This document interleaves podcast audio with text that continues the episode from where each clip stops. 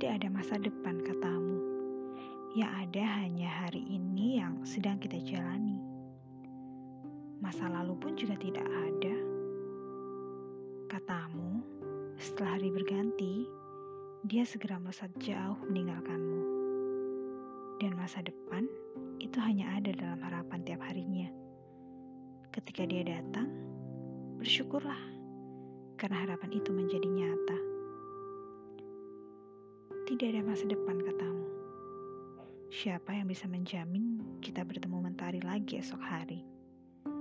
Kamu, bahkan aku, belum tentu punya masa depan. Setidaknya, masa depan memahami persiapan dan juga harapan. Tidak seperti patah hati yang tak pernah mengenal persiapan. Itu katamu. Tapi, benarkah patah hati tidak mengenal persiapan? Bagaimana dengan patah hatiku ini?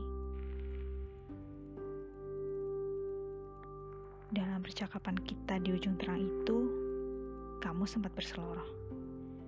Katamu kamu heran. Sebenarnya Tuhan menciptakanku dengan komposisi apa? Sampai-sampai hingga menit ini tidak ada lawan jenis yang mendekatiku. Jangankan mendekati, sekedar tertarik untuk menyapa pun tidak. Ya, aku pun tampil pusing menanggapimu. Aku bilang karena aku tidak cantik. Aku malas berdebat denganmu. Berdebat yang lebih panjang lagi. Perdebatan kita sejatinya adalah alibi untuk memperpanjang durasi kebersamaan. Dan aku tak perlu berbohong. Aku menyukai itu. Sayangnya, jumlah perdebatan kita akan berkurang sebentar lagi. Iya, kamu tentu saja memilih untuk bercengkrama mesra dengan kasihmu daripada sekedar meladeni pertanyaan-pertanyaanku yang ya sering kali tidak penting. Ya meski pada akhirnya akan berujung dengan perdebatan. Sementara kamu sudah menemukan belahan jiwa yang siap menjadi pendengar setia sampai mati, aku justru patah hati setengah mati. Menyadari bahwa kamu bukan rumahku. Kamu hanya aku sewa dari perempuan yang menjadikanmu rumah dengan sertifikat hak milik. Kamu berkesimpulan bahwa sikap-sikap aneh yang tak sadar atau tidak sadar aku lakukan belakangan ini karena aku patah hati. Tapi aku bersikukuh bahwa itu bukan masalah patah hatiku. Lebih pada ketidaksiapanku untuk kehilangan. Kehilangan kamu, tentu saja. Kamu kawanku kan? Oh, lebih tepatnya sahabat. Um, bukan, orang istimewaku. Begitu hatiku menempatkanmu.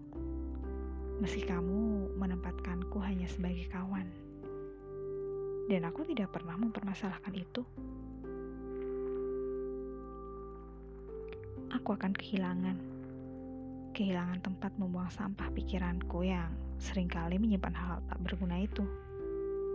Siapa lagi yang akan mendengarkan aku berceloteh perihal remeh-temeh macam siapa penemu resep sayur lodeh?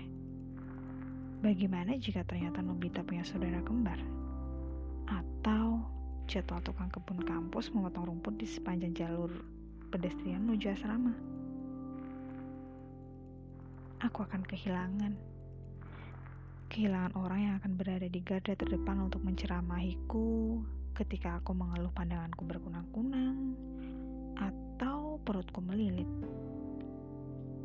Aku juga tidak siap kehilangan sosok yang paling sering menertawaiku ketika aku mengaku bahwa aku merasa jatuh cinta pada seseorang. Tapi, apa kamu juga akan tertawa jika sekarang aku mengaku bahwa aku jatuh cinta padamu.